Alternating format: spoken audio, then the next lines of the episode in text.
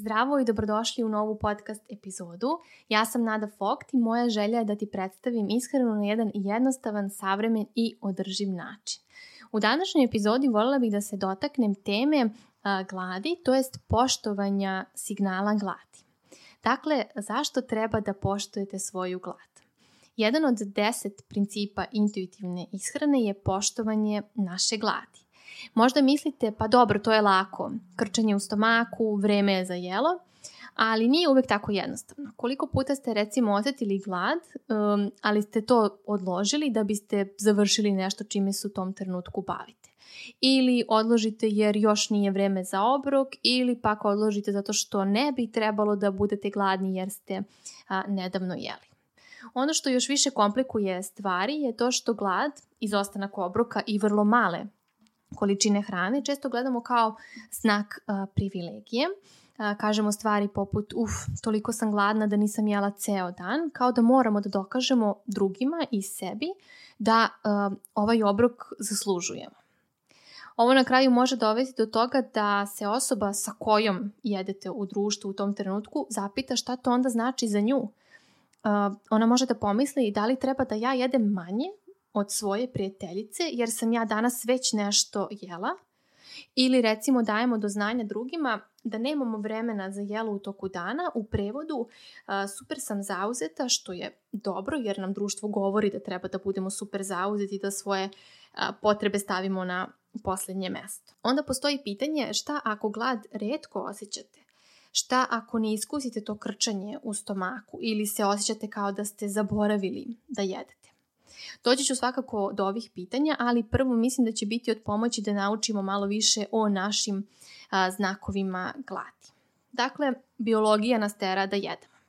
Naša tela su zaista neverovatna, ona mogu da osete kada nam je potrebna energija, to jest kalorije, i šalju signale u telu koji nas prosto teraju da jedemo. Naprimer, grelin, koji se još naziva i hormon gladi, je hormon koji se oslobađa kako bi povećao naš osjećaj gladi. Telo će nastaviti da oslobađa grelin sve dok ne jedemo, što znači da će nivoji nastaviti da rastu, čineći da se osjećamo sve više i više gladni. Što duže odlažemo da jedemo ili se lišavamo dovoljne količine hrane, proizvodimo naravno više tog grelina. Jedenje dovoljno kaloričnog obroka je ono što će isključiti grelin, signalizirajući dakle da smo siti. Ali ono što je interesantno je da ovo ne važi za osobe koje su stalno na dijeti nivo grelina zapravo može ostati visok nakon obroka, sprečavajući ih da se osjećaju siti ili zadovoljni i podsjećući ih da nastave da jedu. Ovaj neispravan prekidač grelina je rezultat lišavanja hrane i može trajati do godinu dana nakon dijete ili gubitka težine. Ono što često pripisujemo snazi volje je zapravo neko ko ignoriše svoj biološki znak da jede, što može zatim biološki dovesti do prejedanja. Čini se da grelin takođe dostiže vrhunac oko 19 časova, to je 7 časova uveče, posebno za one koji nisu dovoljno jeli tokom dana. Ovo verovatno doprinosi tome da posle posla bude kritičan sat kada samo želite da jedete sve što vam je na vidiku. Tome će naravno doprineti i stres i prethodno preskakanje obroka tokom dana ili jednostavno ti nezadovoljavajući lagani ručkovi i doručkovi tokom dana. I naravno onda u to vreme u 19 časova kada dođemo kući sa posla, mrtvi, umorni, gladni, za čim žudimo u to vreme ili zapravo većinu vremena, naravno za ugljenim hidratima. Ugljeni hidrati u svim oblicima, hleb, čips, kolačići, slatkiši, šta god. I ovo je definitivno delom zbog poruka koje dobijamo da ih izbegavamo iz kulture dijeta, a mogu se naravno povećati kada sledimo dijetu sa malo ugljenih hidrata, jer naravno zabranjena hrana je samim tim privlačnija hrana, ali svakako postoji taj biološki razlog Dakle, grelin stimuliše hemijski glasnik koji se zove neuropeptid Y koji izaziva upravo tu žudnju za ugljenim hidratima. Zašto? Zato što ovaj ukusni mali makronutrijent brzo i efikasno povećava nivo šećera u krvi koji nam je očajnički potreban kada nismo jeli dovoljno. Neki drugi znaci niskog šećera u krvi recimo uključuju razdražljivost, umor, niska motivacija, letargija, možda neka nesvestica, I zbog svega toga ima savršenog smisla zašto a, couch, Netflix, chips i sladoled zvuče a, zapravo najprivlačnije u tom trenutku nakon napornog dana na poslu. Predviđeno nam je da zadovoljimo potrebe našeg tela i to je tačka. Uvek imajte to na umu. Dakle, ovo je delimično razlog zašto dijeta i mentalitet dijeta, to jest sada ću da jedem malo da bih kasnije mogla da jedem više, zapravo ne funkcionišu, naročito ne dugoročno. Naša tela će bukvalno ispaljivati signale da nas nateraju da stanemo sa tim idejama. Ali šta ako nikada ne osjećam glad? A, brojne stvari potiskuju našu glad poput stresa, ometanja a, ili naučenog odgovora da ga zapravo ignorišemo. Kultura dijeta nas uči trikovima da obuzdamo apetit kao što je pijenje vode umesto jela, nalivanje kafom ili lančano pušenje cigareta kako bismo taj apetit, tu glad koju imamo maksimalno uspeli da potisnemo. Naučeni smo da se plašimo svoje gladi ili pokušavamo da je izbegnemo, a, gladi za koju sada znamo da će nas na kraju zapravo i naterati da jedemo više u nekom a, trenutku. A kako smo ignorisali taj znak, onda nam možda neće biti tako jasan kao što je to recimo krčanje u stomaku. Zapravo bit će nam mnogo teže da otkrijemo signal gladi.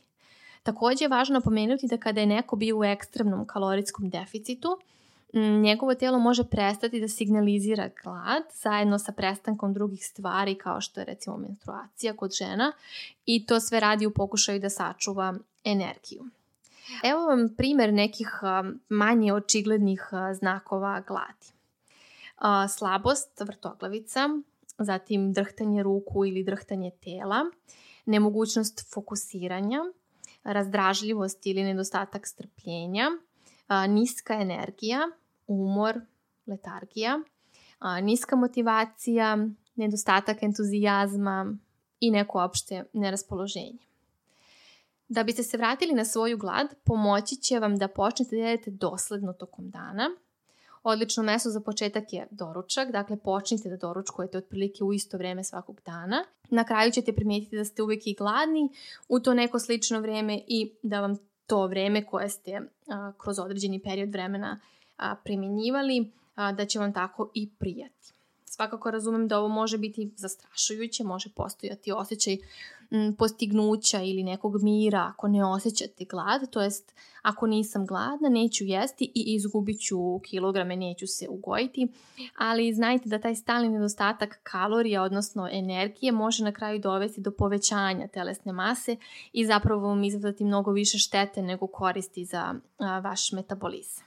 Zatim, hajde da vidimo jednu drugu stranu. Da li je u redu da jedete kada niste gladni? Kratak odgovor je da. Ovo je posebno važno za one koji ne osjećaju glad. Uopšteno govoreći potrebna su nam u prosjeku u većini osoba recimo tri obroka i jedna do dve užine dnevno da bi se zadovoljile energetske potrebe. Naravno u zavisnosti od toga koliko dugo ste budni i od nekoliko drugih metaboličkih faktora. Samo zato što ne osjećate ne znači da vašem telu još uvek nije potrebna energija i hranljivi sastojci. Postoje izuzeci naravno, na primjer ako se osjećate bolesno i fizički ne možete da unesete dovoljno hrane, svakako ćete to i poštovati. A, ono što ćete takođe morati da poštujete je povećana glad koju ćete vjerojatno osjećati u narednih nekoliko dana nakon što se oporavite od recimo te neke bolesti. To je telo prosto koje nadoknađuje izgubljeno vreme i kalorije i a, znate sigurno to i sami a, iz sobstvenog iskustva zaista je tako i to je samo pokazatelj koliko je naše telo savršeno samo po sebi i a, posao da nas održi u životu zaista to radi briljantno. I za kraj, a, moja poruka je da se a, ne bojite svoje gladi. A, suština je da ignorisanje naše gladi donosi više štete zapravo nego koristi. Biološki dovodi do više podsjetnika za jelo i žudnje naravno za ugljenim hidratima takođe se suprostavlja rezultatu koji često pokušavamo da postignemo ignorisanjem, bilo da je u pitanju gubitak viška kilograma, obuzavanje neke žudnje ili izbjegavanje određene hrane.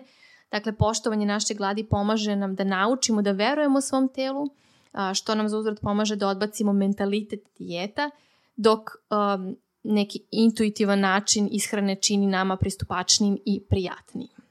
Završila bih ovu epizodu sa zaključkom da ako se pronalazite u situaciji da vam je teško da prepoznate, osetite ili odreagujete na signal gladi, a, pogledajte moj grupni coaching program, prijavite se, nova grupa kreće 9.